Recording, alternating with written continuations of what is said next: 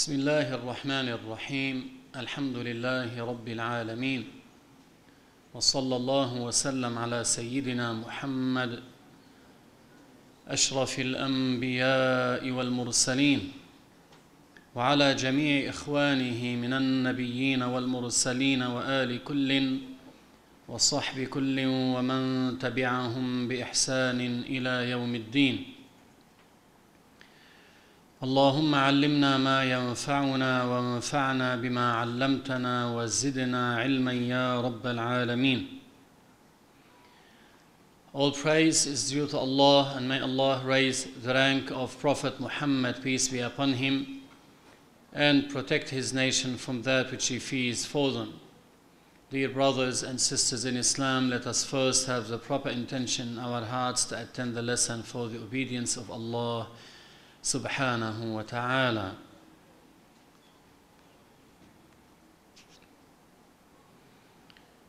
Last week we made an introduction about the book. We started explaining, which is the summary of Shaykh Abdullah al Harari, may Allah have mercy on him, ensuring the most of the obligatory knowledge.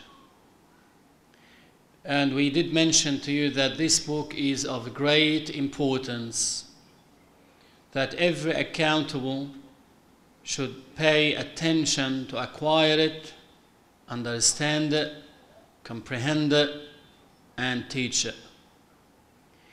Because this book contains the essence of each science in our religion,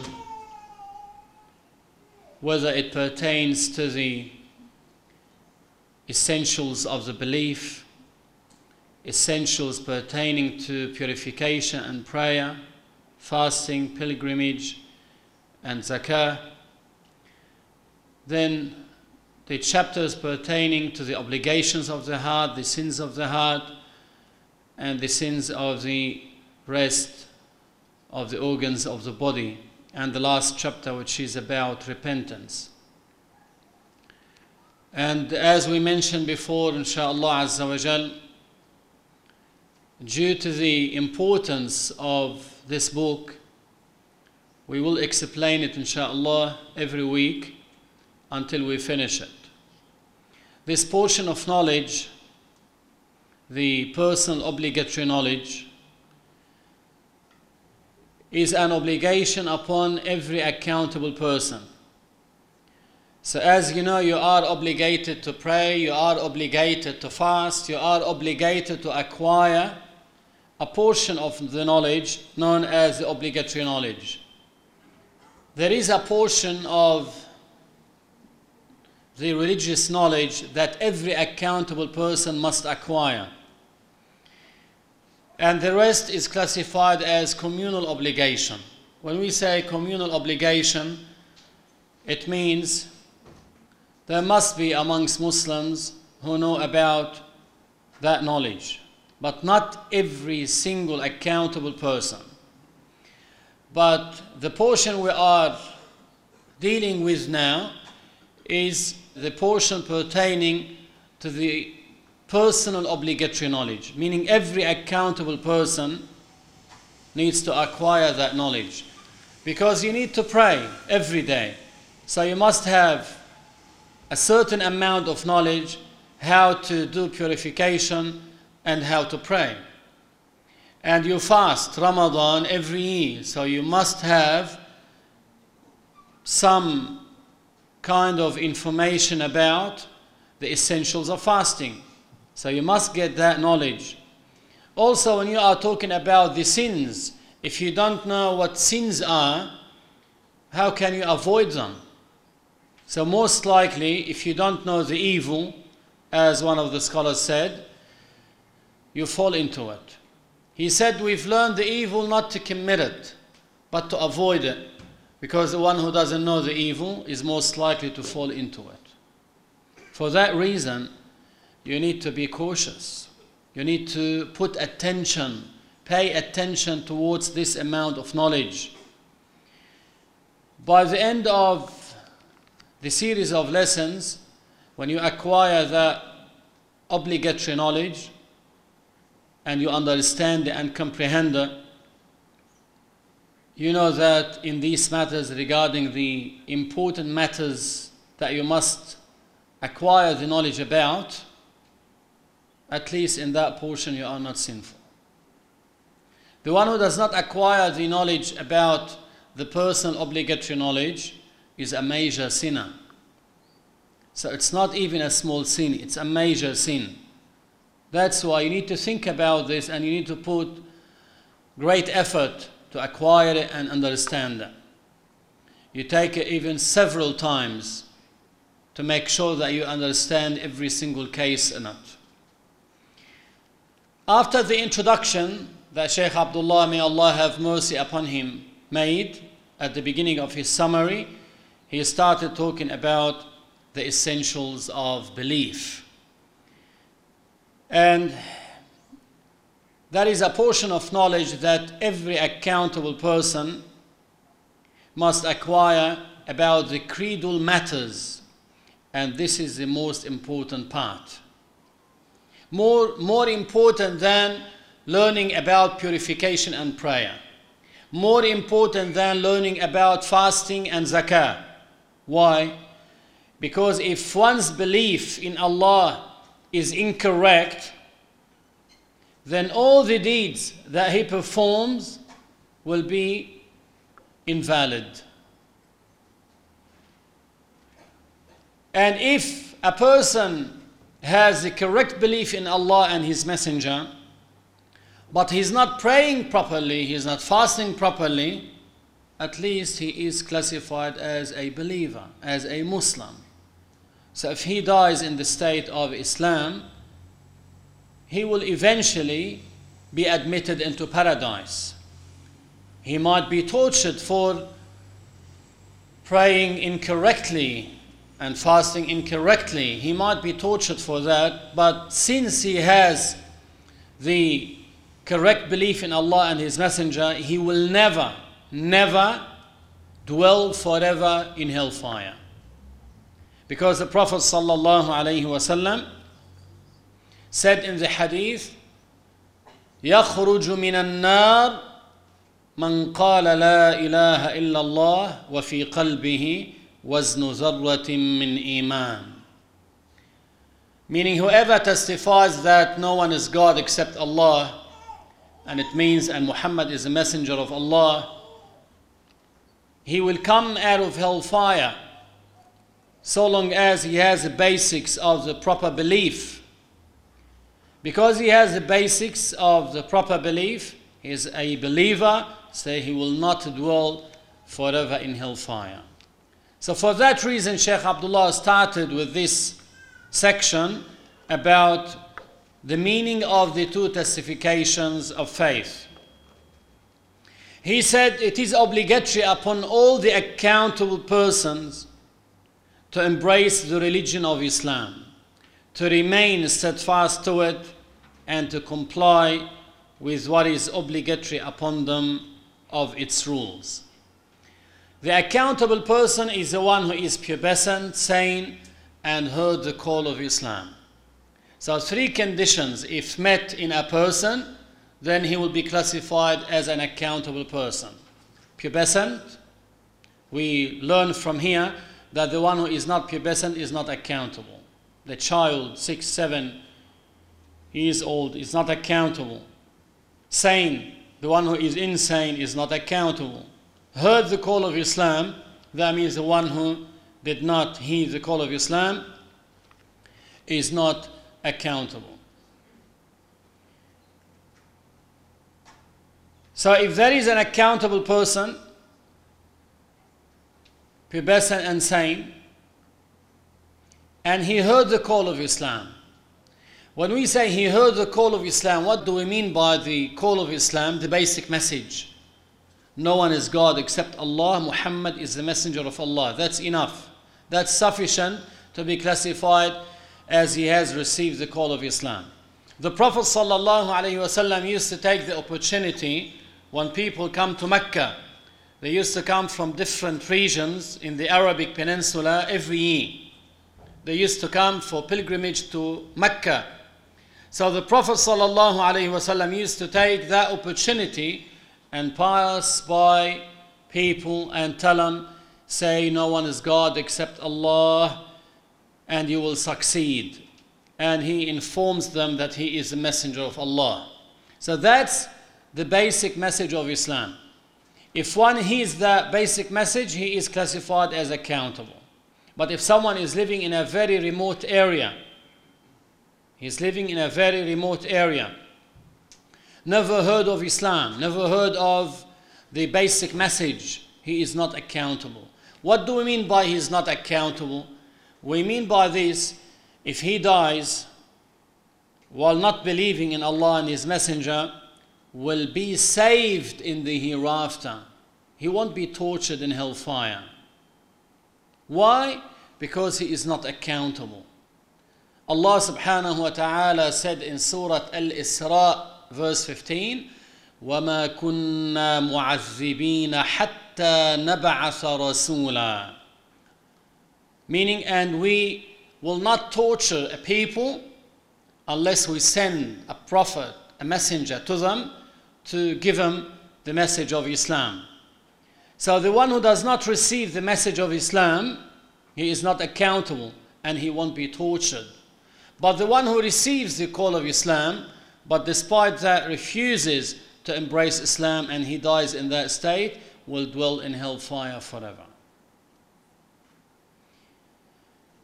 The one who is under puberty is not accountable, as we mentioned. So, all those who die under puberty will be admitted into paradise. They won't be tortured. And they will dwell in paradise forever. And the one who is insane is not accountable. So if someone was at the age of eight, let us say, he heard the call of Islam, but he did not embrace Islam, then at that age he became insane. Then his insanity continued throughout all his life until he became at the age of 50, 60, but he's still insane.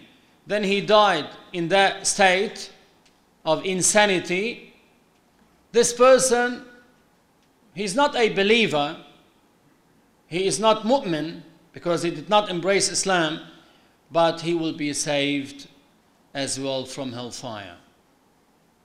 But if one is at the age of 20, so he is accountable, he is pubescent and sane, and he heard the call of Islam, when he heard he refused to embrace Islam, then he became insane and for a few years and he passed away, this person will be in hellfire forever.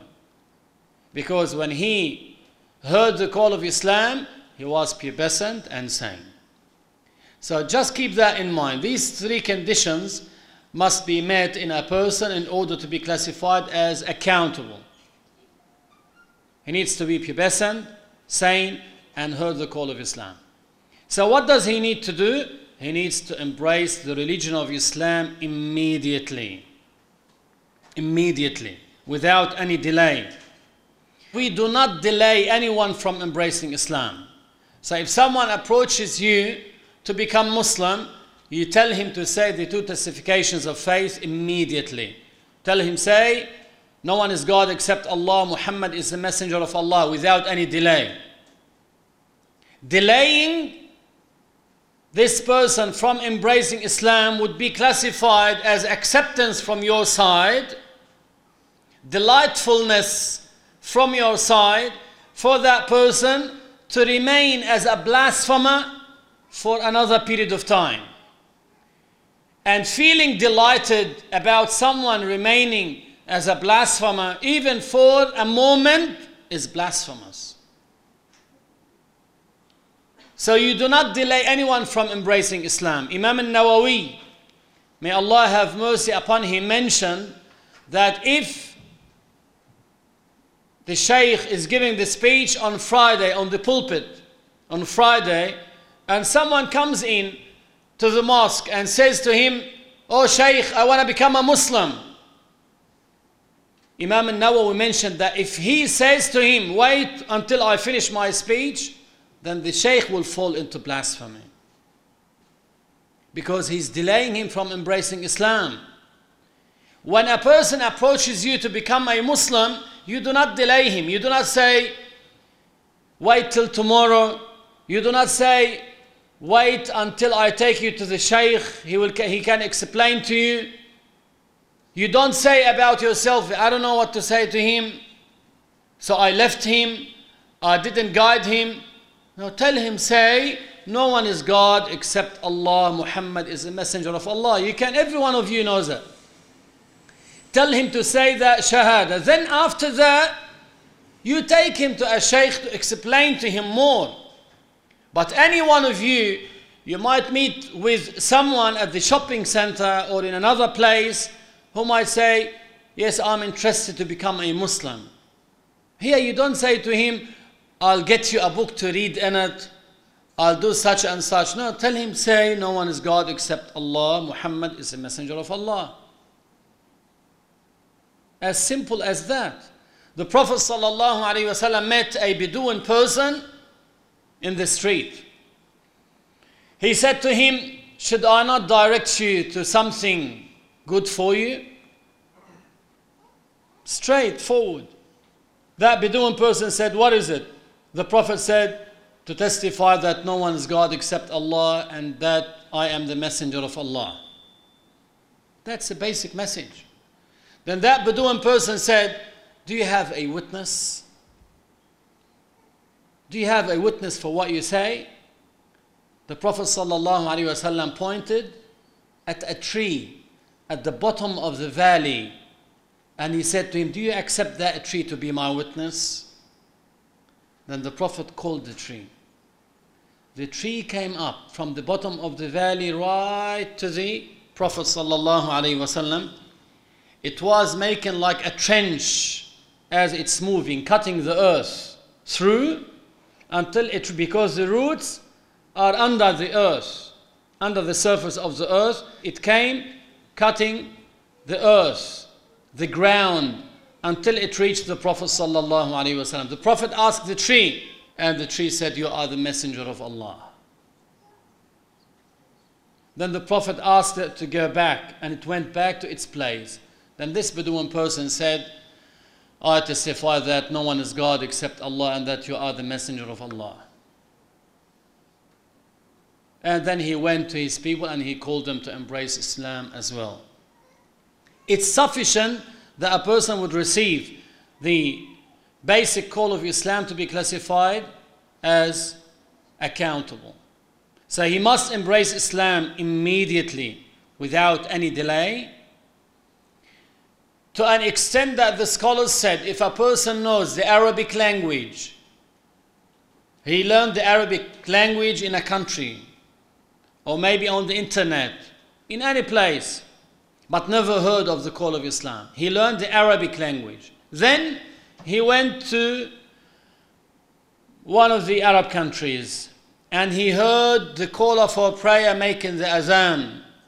And of course, in it, he's going to say, Ashhadu an la ilaha illallah, Ashhadu anna Muhammadan Rasulullah.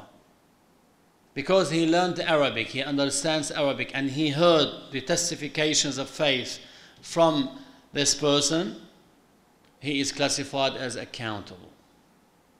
Very simple. Very simple. So it's only this, not to learn about many details in order to be classified as accountable. No. To be classified as accountable, the basic call is sufficient to classify such a person as an accountable person. So he must embrace Islam immediately, remain steadfast to it. That means in his heart, he must devoid any intention to leave Islam in the future or any hesitation about it. Because the one who intends to blaspheme in the future blasphemes immediately. Because his heart is not steadfast to Islam. Allah said, إنما المؤمنون الذين آمنوا بالله ورسوله ثم لم يرتابوا The true believers are those who believed in Allah and His Messenger and never had a doubt. So if they have a doubt, they're not believers. If a Muslim lady meets a non Muslim person, then he asks to marry her and she tells him, I'm Muslim, then that person might say, I want to become a Muslim so he can marry her. Now she doesn't know what is in his heart.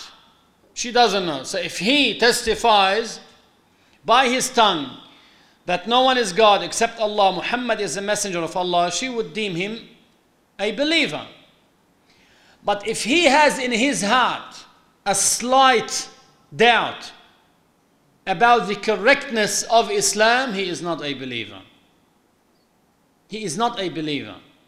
If he has hesitation in his heart, maybe I live with her now, but after 10 years I go back to my old religion. He is not a believer because of that intention to blaspheme in the future.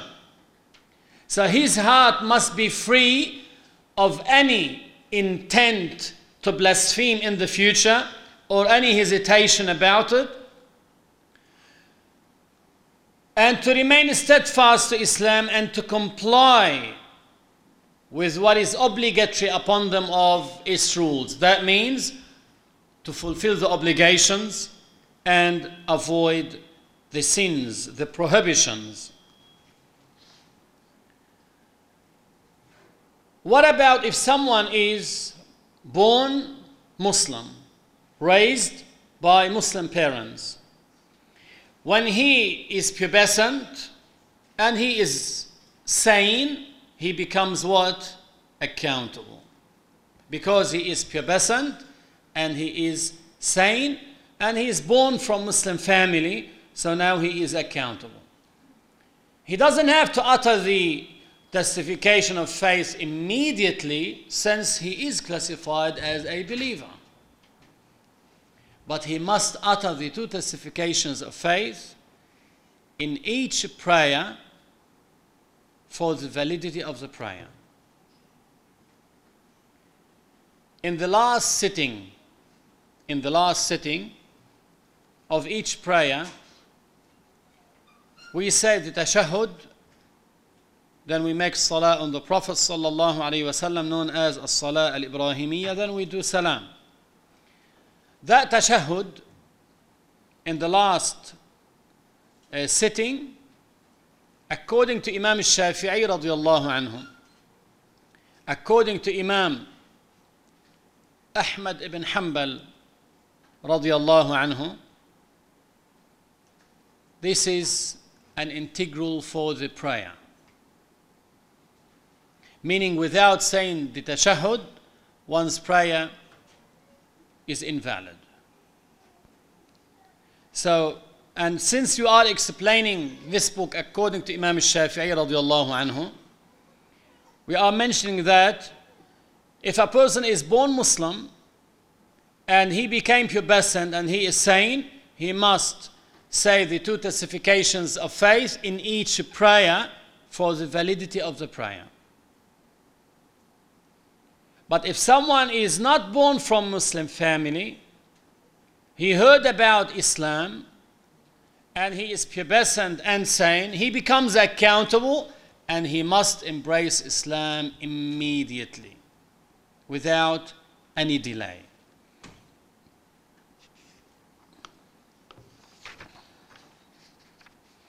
This means that every accountable person must be Muslim stay Muslim and follow the rules of Islam.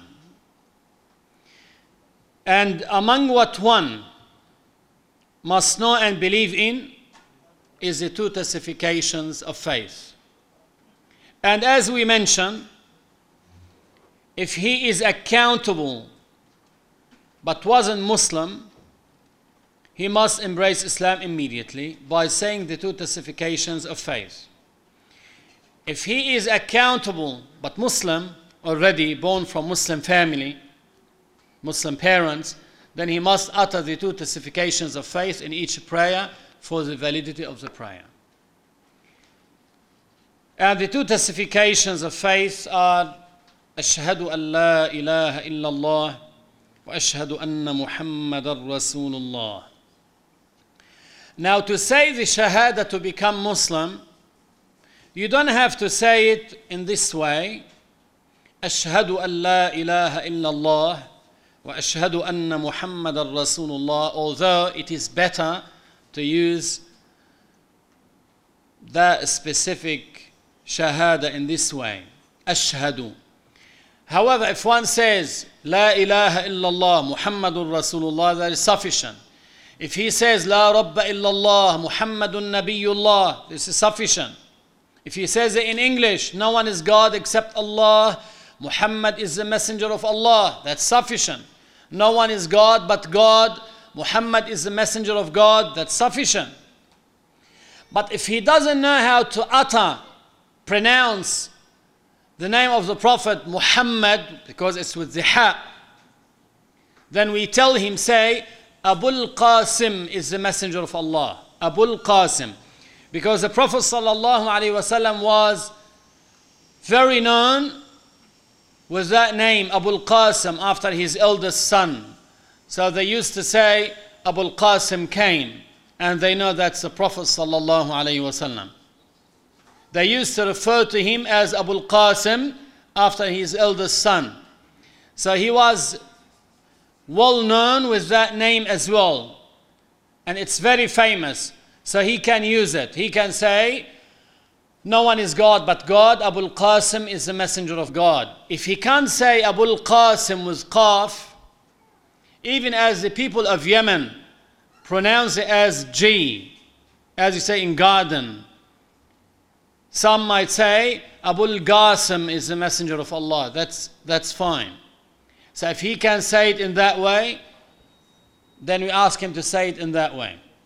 As long as he testifies that no one is God except Allah, Muhammad is the messenger of Allah in Arabic or any other language, that's accepted. That's sufficient to bring that person into Islam.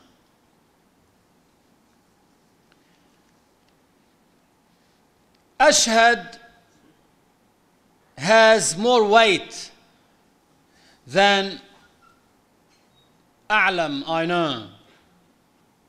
A'tarif, I declare. Because ashhad linguistically contains the meaning of knowing, believing in, and declaring. So the three meanings are embedded in the word ashhad. That's why if one were to go to an Islamic court to provide his testimony before the judge, the judge would ask him to say, Ashhadu, such and such happened. Ashhad. Not, I know such and such happened, or I believe such and such happened. He must say Ashhad in order for his testimony to be accepted. That's why if one sees the crescent of Ramadan, he would tell the judge in Arabic, Ashhad anni ra'aytu hilal Ramadan, which means I testify. Which means I know and I believe and I declare that I saw the crescent of Ramadan. This is the way his testimony is accepted. So it has more weight. It's a special word.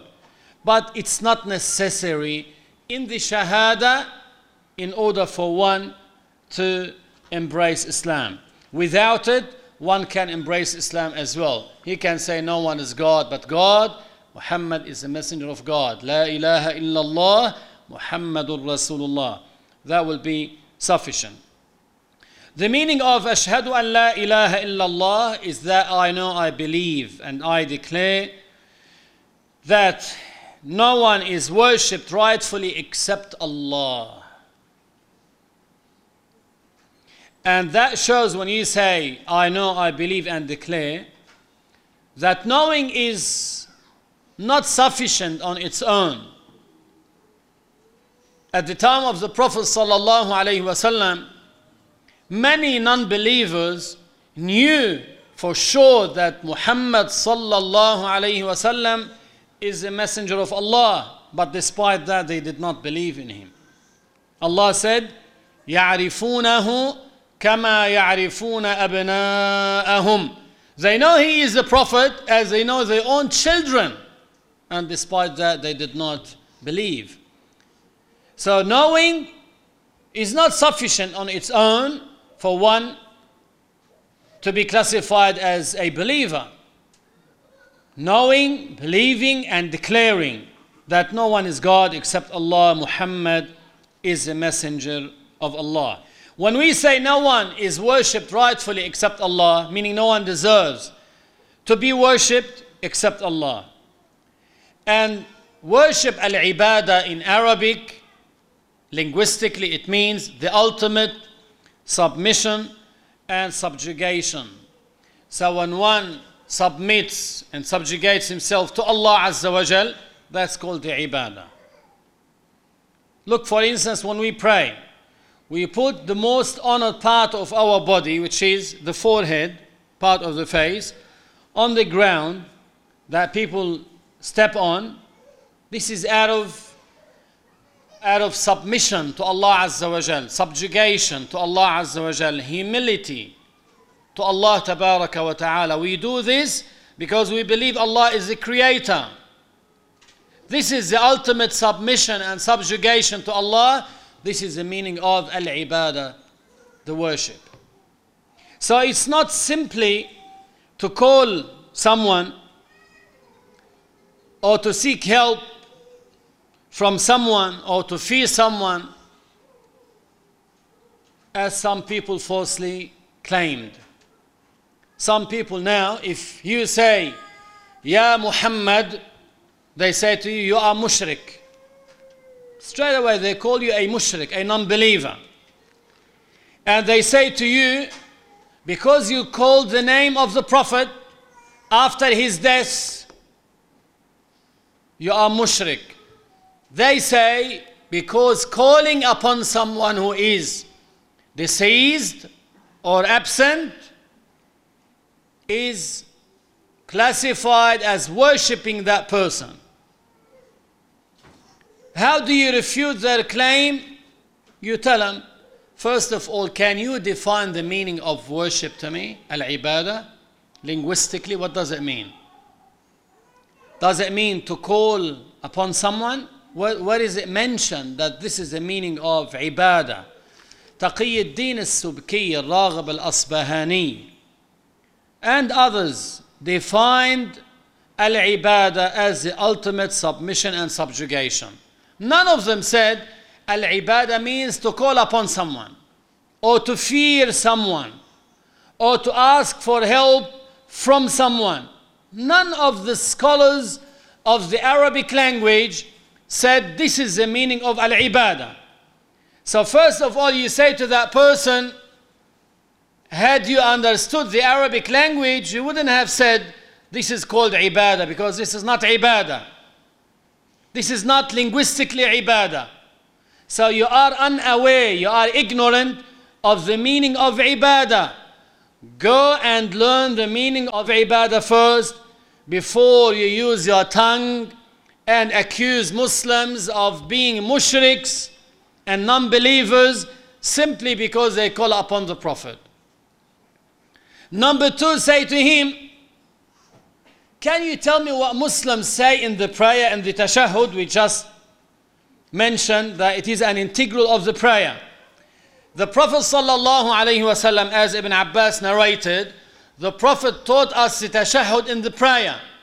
And he taught us to say, التحيات المباركات الصلوات الطيبات لله السلام عليك أيها النبي ورحمة الله وبركاته السلام علينا وعلى عباد الله الصالحين أشهد أن لا إله إلا الله وأشهد أن محمد رسول الله Isn't it that what you say in your prayer? What do you say in it? Assalamu alayka ayyuhan nabi. Ayyuhan nabi. What is that called in Arabic? This is calling upon.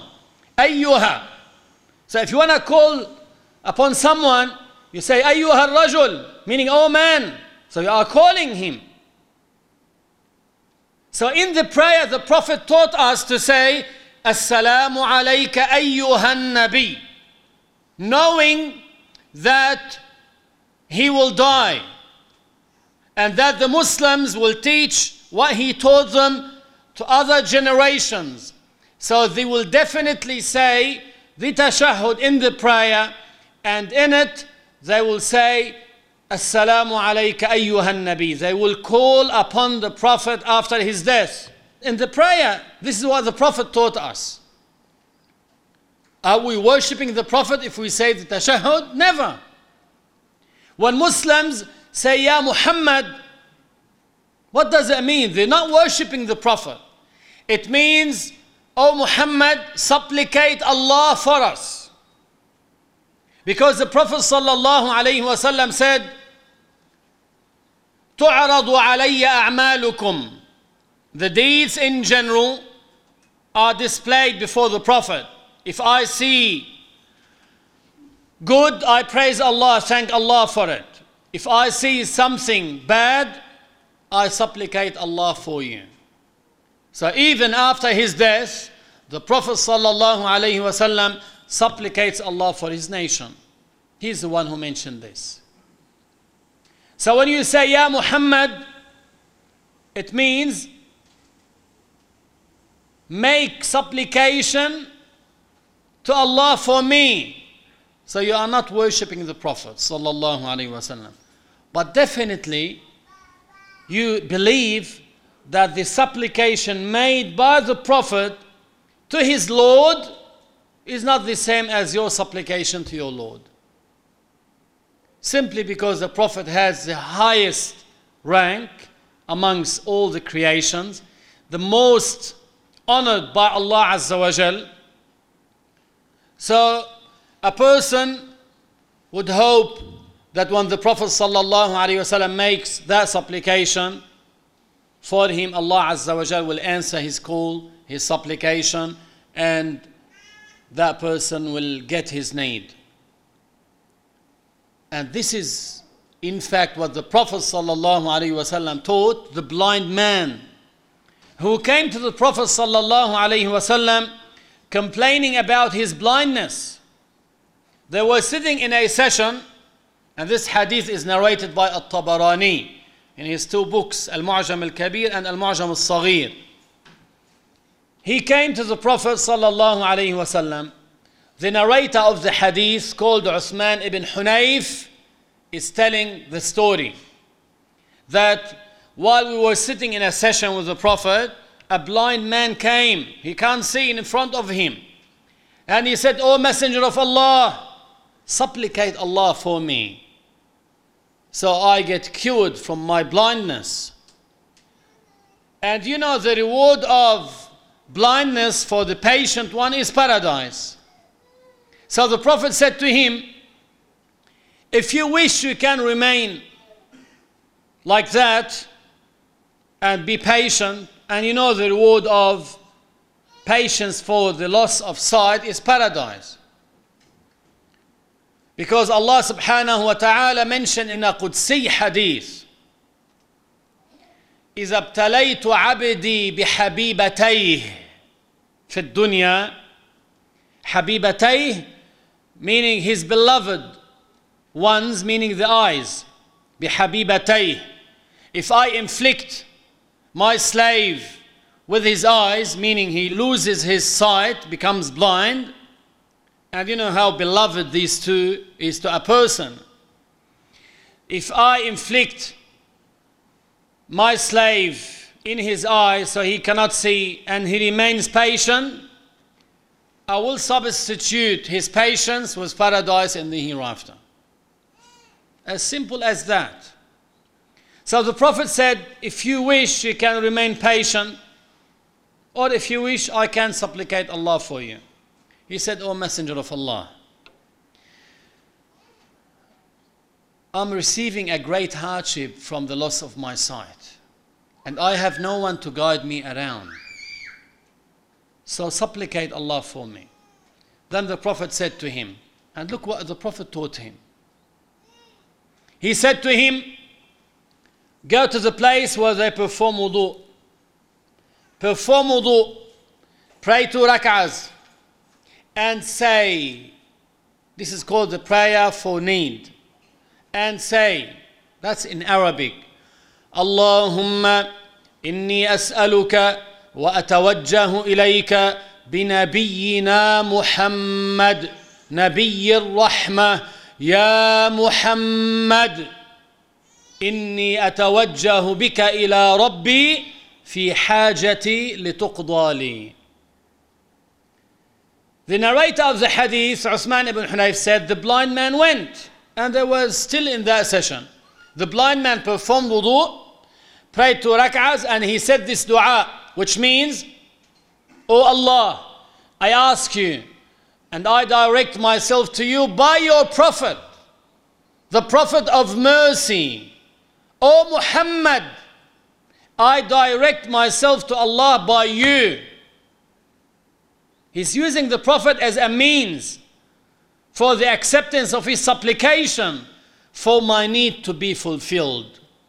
The narrator of the hadith said, I swear to Allah that before finishing that session, while we were still sitting around the Prophet, that blind man came back with his blindness cured.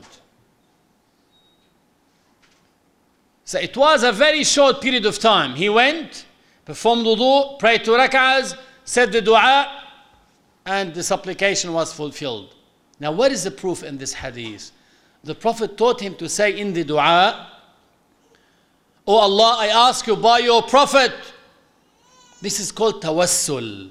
So it's not shirk as those people say and claim. And he taught him to say, Ya Muhammad. And the Prophet knows that this person will go, perform wudu, pray two rak'ahs, and say the dua. He's not going to be in front of the Prophet.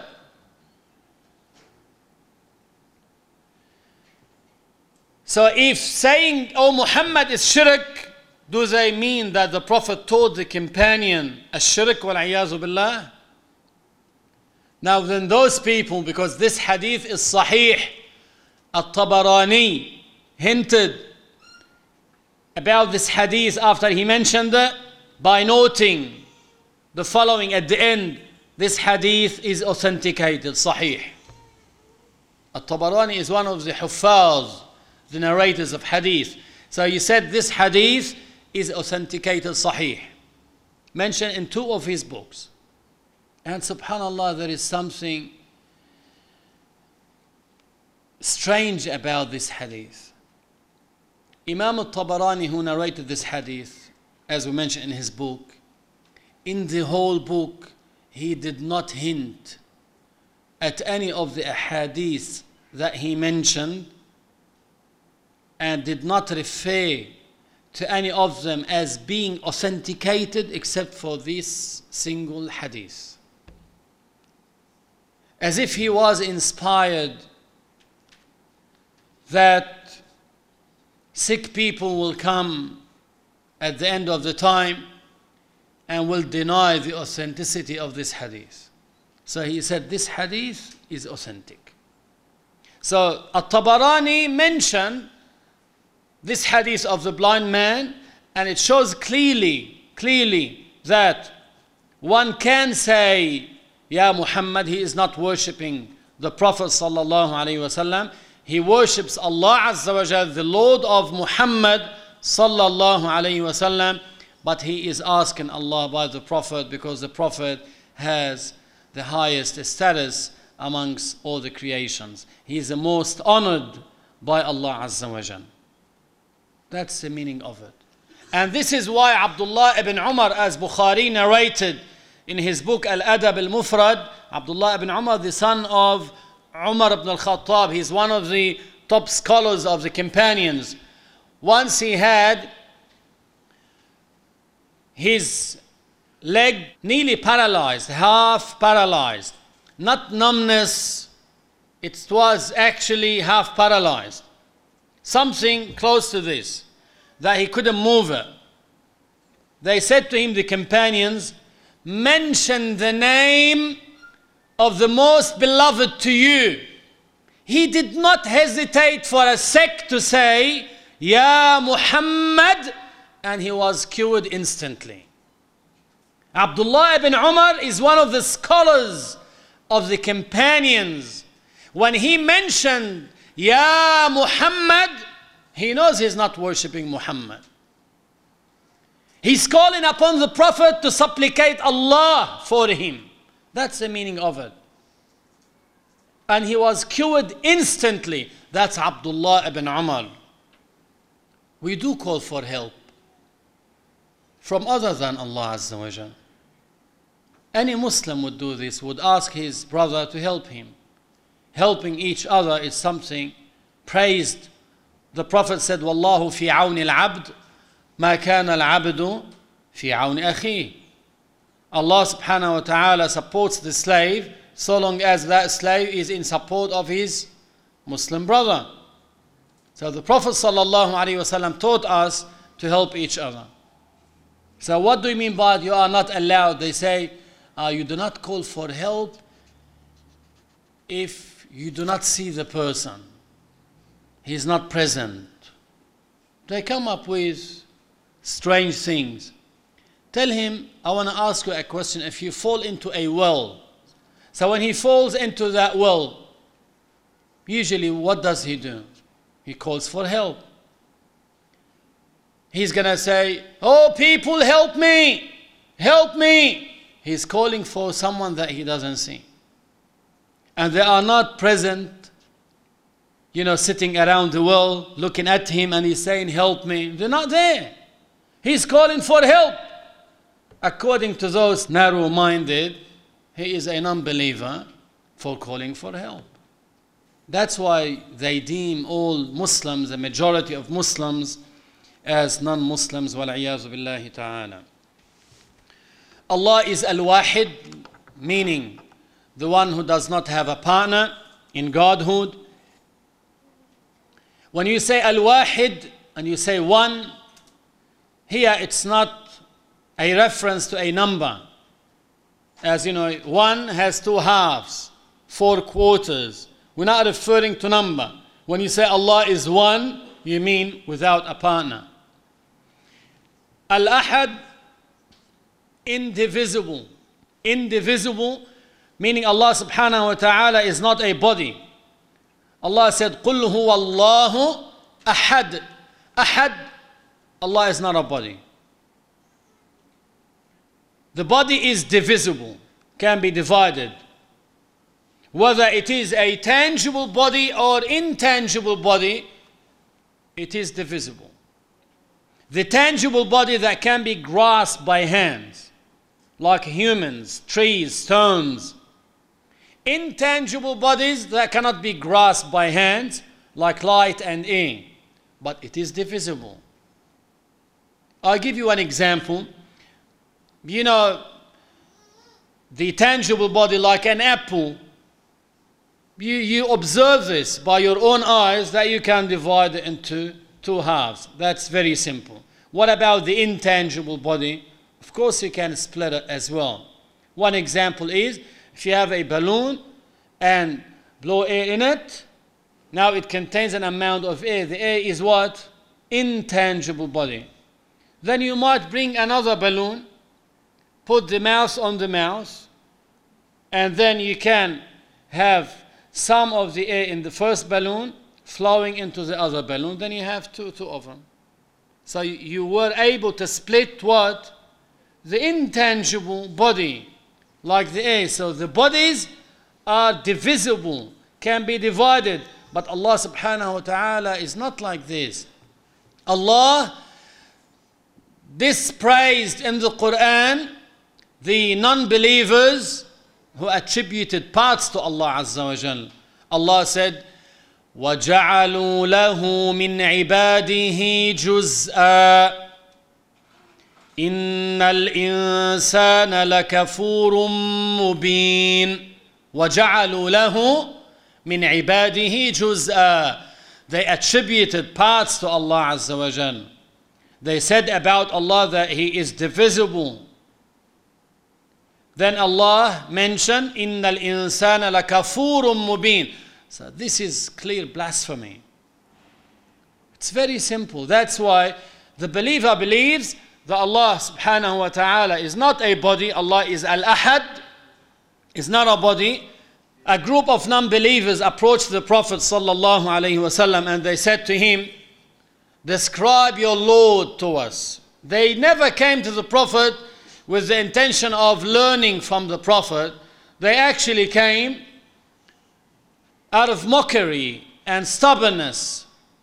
They said, Describe your Lord, because they used to believe, that group, that God created the seven skies and seven earths.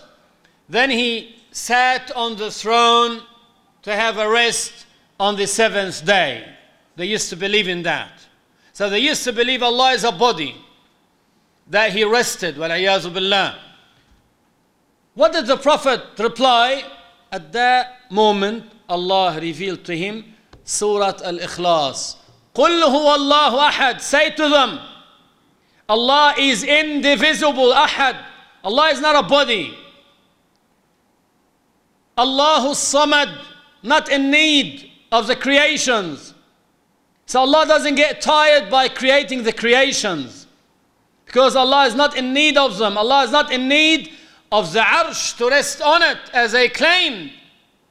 لم يلد ولم يولد. Allah is not a father or a son. ولم يكن له كفوا أحد. Allah has no similar in any way whatsoever. In these four verses, the Prophet sallallahu alaihi wasallam taught them about Allah Azza wa Jal. So Allah is Al-Wahid Al-Ahad. So whoever claims that Allah is a body had never known Allah subhanahu wa ta'ala. He is actually a worshipper of his own imagination and he is not classified as a believer. We ask Allah subhanahu wa ta'ala to illuminate our hearts with the knowledge of the religion, keep us steadfast in Islam. Ameen. And Allah knows best. We say La ilaha illallah three times.